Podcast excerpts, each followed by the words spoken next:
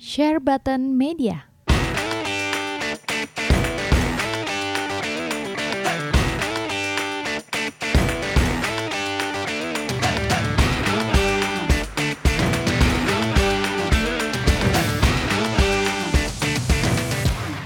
Hai guys, welcome back to our channel di Share Button Podcast Toys and Gaming bersama gue Jonathan Jojot di segmen dunia dalam gaming. Kalau dunia dalam gaming biasa ya ngomongin seputar dunia dunia berita dalam gaming ya. Uh, kali ini datang ada yang dari Sony, datang dari mobile sedikit, ada dari Xbox dan dari Nintendo. Jadi uh, gue langsung masuk aja ke segmen pertama yaitu dari Sony. Oke, okay, uh, berita pertama datang dari Sony. Gue ini soal PS Vita ya. Gue baca sih dari PlayStation Lifestyle katanya sih Sony udah nggak bakal produce handheld console lagi. Uh, tapi dari yang gue baca dia udah nggak produce Vita lagi. Kayaknya kata-kata sedikit ambigu lah menurut gue kayak Vita itu katanya handheld yang bagus, tapi kita nggak akan masuk ke bisnis itu lagi. Jadi apakah dia nggak akan masuk bisnis Vita lagi atau nggak masuk bisnis handheld lagi atau gue nggak tahu tapi itu long term apa short term juga kita semua nggak ada yang tahu tapi kalau dilihat sejarahnya handheld Sony dulu ada PSP lalu kemudian ada PS Vita. Ini kayaknya cuma dua ya. PSP itu gua nggak main soalnya dulu itu masih miskin gua. Jadi mesti dulu mesti pilih antara DS atau PSP karena gua Nintendo G kan ya seperti biasa. Jadi ya gue pilih Nintendo DS waktu itu. Jadi nggak bisa beli PSP terus masuk ke Vita Vita juga gue pikir keren banget tapi apa daya yang salah itu bukan sistemnya tapi menurut gua softwarenya sayang banget padahal awal-awal Uncharted dikenalin itu waktu itu keren banget ya bisa manjat pakai touchscreen tuh seingat gue tuh. Kayak di pencet-pencet-pencet terus nanti Nathan Drake otomatis naik sini pakai uh, touchscreen terus di belakangnya juga ada sensor buat bikin kayak Little Big Planet segala macam gue pikir ini handheld masa depan Sony lah tapi nggak lama setelah itu dikabarin kalau nggak bakal ada game triple A, triple A lagi dari Sony buat Vita. Itu tuh tahun 2015 kalau nggak salah. Sebenarnya sih yang salah bukan Vitanya menurut gue ya tapi yang salah itu Sony-nya. Entah dari sisi marketing kayak atau segi dari segi PR-nya kayak buat ngelobi developer lain atau dulu sempat musuhin Monster Hunter ya di mana katanya Sony Vita itu nggak butuh Monster Hunter sampai akhirnya salesnya kepukul jauh sama 3DS yang grafiknya jauh lebih butut tapi ya karena 3DS kan mempunyai library yang jauh lebih baik, lebih, lebih banyak lah dibandingkan dengan Vita. Jadi sekali lagi menurut gua software dan eksklusivitas itu lebih penting dibandingkan mesin itu sendiri karena ujung-ujungnya kan semua gamer pengennya main game bukan main mesin. Ya untuk hal ini sebenarnya Sony telah gagal dalam pertarungan handheld menurut gua ya tapi nggak apa-apa dia juga udah kaya banget dari penjualan konsol dari penjualan konsol doang dia juga udah kaya banget. Jadi sepertinya gua rasa mereka nggak perlu Vita lagi. Terus baru-baru ini juga mereka dapat Guinness World Record ya buat penjualan konsol tercepat. Tapi kalau memang gitu sih Nintendo sebenarnya juga bisa dapat Guinness Book Record dari penjualan handheld konsol tercepat ya tapi gue juga nggak tahu kenapa nggak ada yang versi handheld cuman ada versi home konsolnya doang. Mungkin gara-gara Nintendo nggak minta kali ya. Kalau ini kan 25 anniversary Sony PlayStation. Jadi uh, mungkin dia minta kategori baru untuk Guinness World of Record terus dikasih sama kompanitia Gaines-nya ya. Ya kurang lebih mirip-mirip Kojima lah ya, game developer dengan follower terbanyak dan segala macam. Terus dia masuk Guinness World Book of Record kan dengan follower tercepat tercepat nyampe satu juta apa berapa gue lupa lupa ingat ya tapi ya begitulah. Untuk Sony uh, dia udah nggak ngeluarin lagi handheldnya tapi ya tetap sukses ke depannya. PS5 cepetin keluar cepetin keluar detailnya segala macam ya. Oke okay, Mr. Om Sony uh, di next kita ke bagian mobile sedikit nih ya. Bagian mobile sedikit ada COD Mobile dan gua akan ngomongin soal betapa kerennya COD franchise tahun ini Oke, okay, uh, eh, kabar berikutnya dat seperti yang gue bilang datang dari COD ya. COD mempunyai prestasi yang luar biasa tahun ini dari COD Mobile dulu ya. Jadi gue baca ini dari gamesindustry.biz. COD Mobile itu meraih 87 juta dolar dalam dua bulan pertama. Itu satu triliun lebih tuh ya. Gila juga sih dua bulan pertama bisa dapat satu triliun. Cari duit kayak gampang banget buat mereka ya uh, kalau kayak gue susah banget cari duit buat mereka kayak gampang banget sialan. Terus sesuai ekspektasi juga US itu jadi market terbesarnya pemasukan COD jadi 52% itu dari US sedangkan yang kedua itu dari Jepang. Terus kebanyakan revenue juga dari pengguna iOS ini yang gue udah gak nyangka sih ya karena penjual uh, karena yang pakai Android itu kan jauh lebih banyak daripada iOS jadi kebanyakan revenue kurang lebih 59% gue lupa lupa ingat tadi gue baca lupa eh, itunya di mana. Kurang lebih 50% itu pendapatannya dari iOS.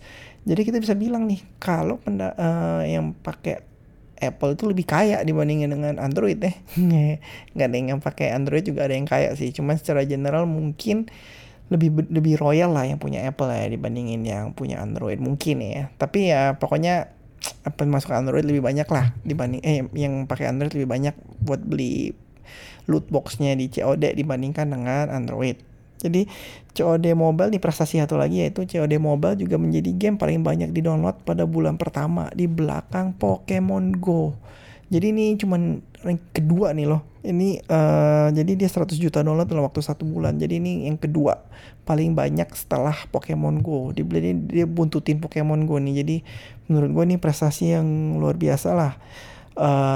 Pas yang luar biasa ini datanya juga dapat dari sensor tower. Jadi mau dia sempet sempet dihina-hina di Infinite Warfare sampai YouTube trailernya jadi dislike paling banyak tuh waktu itu ya. Terus orang dia bikin mobile satu langsung heboh sebenarnya enak juga sih bikin mobile tapi gue yakin sih developer developer besar kayak Activision, EA, Sony atau bahkan Nintendo ya nggak bakal bikin buat mobile doang sih. Mereka tetap pasti bakal fokus bikin game untuk konsol. Biarpun sebenarnya ya kalau kita lihat ya dengan modal kecil pemasukan sebesar besar banget mobile user itu jauh lebih menggiurkan dibanding konsol. Dan user user mobile juga jauh lebih banyak dibandingkan user konsol. Jadi gua rasa sih uh, buat bikin nama sih mereka perlu grafik-grafik yang bagus benar-benar perlu bikin game yang hardcore lah yang yang bukan buat cuman casual casual gamer gitu. Uh, tapi ini kita balik lagi ke COD gue nggak ngomongin cuman COD mobile doang ya. Ini termasuk COD Modern Warfare. Ini juga nggak kalah jago ya. COD Modern Warfare ini kan baru rilis nih kurang lebih November ya tahun bulan lalu ya jadi COD Modern Warfare ini juga menjadi penjualan terbanyak di UK selama 3 minggu dari 4 minggu. Jadi selama 4 minggu itu dia cuma kalah sekali. Itu pun jadi kalah seminggu gara-gara pas Pokemon rilis. Pas Death Stranding rilis aja nggak getar tuh dia tetap di posisi pertama. Hebat banget. Death Stranding yang katanya game yang bagus banget loh yang punya Kojima dia nggak bisa ngegeser nggak bisa ngegeser COD dari peringkat pertama. Minggu depannya aja kalah sama Pokemon tapi minggu depannya lagi juga dibalap balik sama COD minggu kedua minggu ke depannya lagi uh, Pokemon jadi yang kedua. Karena COD kan multi platform tapi kalau COD jadi satu platform tetap masih kalah sama Pokemon Swordnya si Switch yang Switch eksklusif. Tetapi tetap waktu itu di top 10-nya itu ada Pokemon Switch sama Shield dan semuanya sih ya jadi kalau digabungin digabungin Pokemon Sword, Shield sama Dual Pack tetap gua uh, lebih bagus, lebih penjualan lebih banyak yang Nintendo. Tapi gini, tapi apa pun itu ya, gue kasih lihat rekor COD Modern Warfare ya. COD Modern Warfare itu dapat 600 juta dolar dalam tiga hari pertamanya. Digitalnya aja sudah terjual 4,75 juta unit ini di, eh, digitalnya aja ya untuk tiga hari pertama ya Terus jadi untuk uh, katanya cuma dua game yang katanya penjualan tiga hari pertamanya melebihi 600 juta dolar. Jadi yang ketiga ini COD Modern Warfare penjualannya itu 600 juta dolar. Oke. Setelah Modern Warfare ada lagi. Uh, kalian bisa tebak gak kurang lebih itu apa? Uh, yang lebih yang lebih gede dari COD. Gue kasih waktu sebentar deh. Oke. Okay. Jadi RDR 2 itu tiga hari pertama 725 juta Grand Theft Auto 5 tiga hari pertamanya itu satu miliar dolar tiga hari pertama ya jadi COD itu 600 juta dolar RDR 2 725 juta dolar. Grand Theft Auto 5 1 miliar dolar tiga hari pertama. Tiga hari loh gila keren. Kita cari duit aja susah banget ya. Mereka cari duit kayak gampang banget. Joker aja perlu berapa lama ya? Joker film Joker ya Uh, jadi ya itulah prestasi-prestasi COD Mobile dan COD Modern Warfare. Keep It Up. Ini juga season pertamanya gratis mau incoming di PSN Store dan segala macamnya jadi katanya gratis sih. Gua nggak terlalu ikutin COD gue cuma tamatin single player doang sama main multiplayer yang sampai level berapa gitu.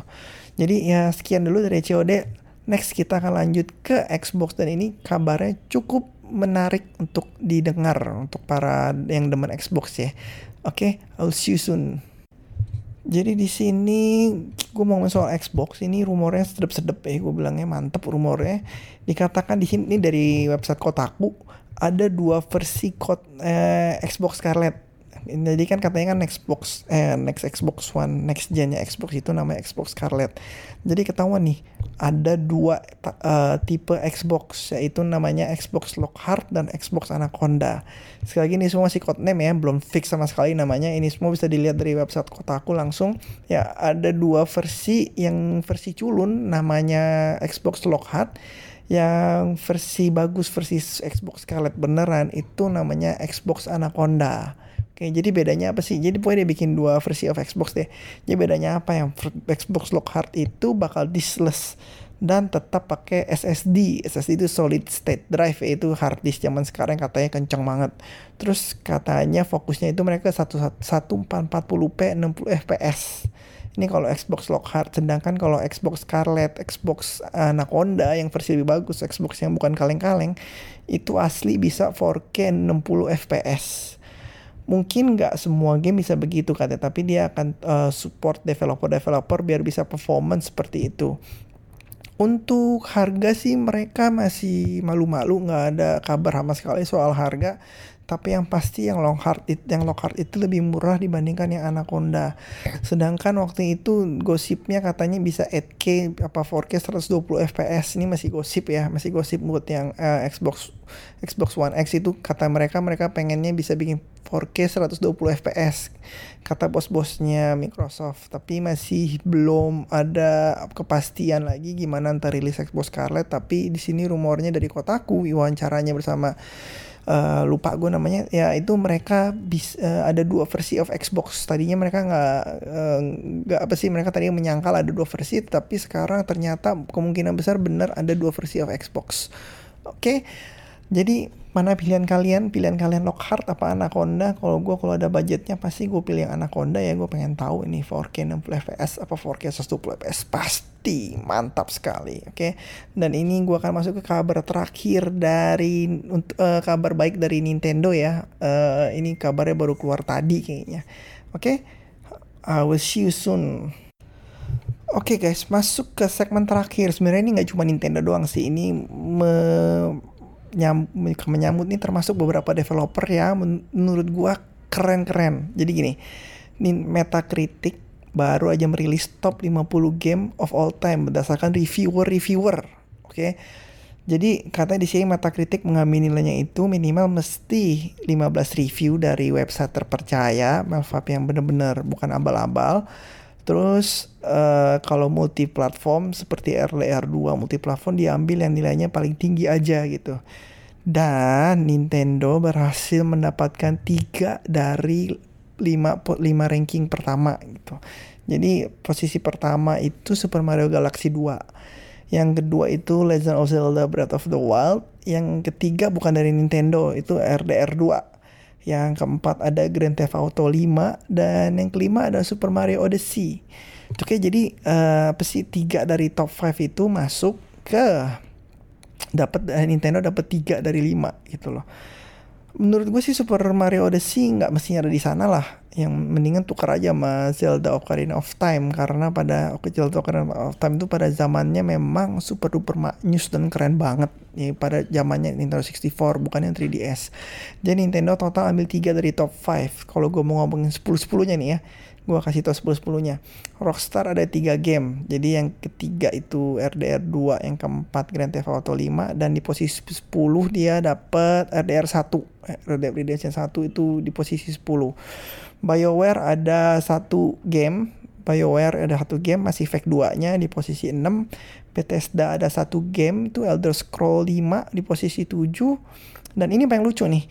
Yang paling lucu game Sony juga masuk tapi lucu The Last of Us di PS3 sama The Last of Us 4 remaster eh The Last of Us remaster di PS4 masuk di posisi 8 sama 9. Jadi dua game yang sama persis itu masuk uh, di posisi 8 sama 9 dan gue ngarep beneran gue ngarep The Last of Us 2 ini bisa nyempil lah di posisi 8 apa 9 lah. Jadi dua-duanya nggak gamenya nggak sama itu ini 8 sama 9. Cuma beda remaster doang.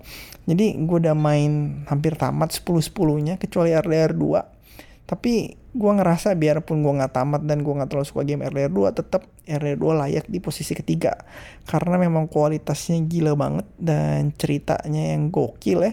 Dan konten gambar yang konten gamenya yang luar biasa luar biasa banyak. Bisa bikin macem-macem itu bisa ngehunting bisa bikin ada legendary animal segala macem ya. Pokok kontennya banyak banget lah. Side questnya juga gila-gilaan lucu-lucu ada random NPC nya juga gila-gilaan jadi gue tau ini game bagus tapi sayang gak cocok sama gue karena pace-nya menurut gue lemot banget. Tapi gue bisa ngerasa memang di sini ada kualitas gamenya gitu loh. Jadi selamat untuk Nintendo, Rockstar, Sony, BioWare, dan Bethesda yang udah bisa masuk ke top 50 review best loh of all time tetap buat game sebagus mungkin biarpun gue ngerasa kayak BioWare, BioWare apa Bethesda udah mulai kecolongan buat gamenya udah mulai ngasal-ngasalan kayak Anthem, Fallout 76 uh, eh, udah mulai ngasal-ngasalan menurut gue ya. Uh, gue tetap berharap sih bisa bikin game lebih bagus lagi ke depannya. Untuk Rockstar gamenya kualitasnya juga gila-gilaan pasti terutama game Red Dead dan Grand Theft Auto nya udah pasti itu luar biasa gila-gilaan. Dan sekali lagi untuk Last of Us 2 tahun depan keluar bulan Mei ya? Lupa gue lupa lupa inget dari Februari pokoknya diulur diundur ya. Nah mudah-mudahan bisa nyempil tuh masuk ke posisi 8 atau 9 dan untuk Nintendo juga nggak perlu diomongin lagi lah. Nintendo juga kalau untuk bikin Super Mario dan Zelda juga tetap gila-gilaan bikinnya. Jadi uh, segini dulu dari gue kalau ada hal-hal menarik lagi gue akan ngomongin lagi. Thank you so much buat yang udah ngedengerin. Akan ada giveaway very soon tapi gue ngasih tau kapan. Tapi gue akan ada giveaway buat teman-teman yang udah ngedengerin dari awal, yang udah ngepost di story, udah kelihatan favoritnya tuh share button podcast. Gue bener-bener appreciate banget ke teman-teman semua. Oke. Okay? And I will see you next time. Gue kalau begini gue jadi lebih semangat buat update lagi. Uh, jadi gue akan update secepatnya kalau ada kabar-kabar game yang menurut gue lucu-lucu dan enak untuk disimak. Oke, okay? I will see you again next time, guys. Thank you so much and God bless. Bye bye.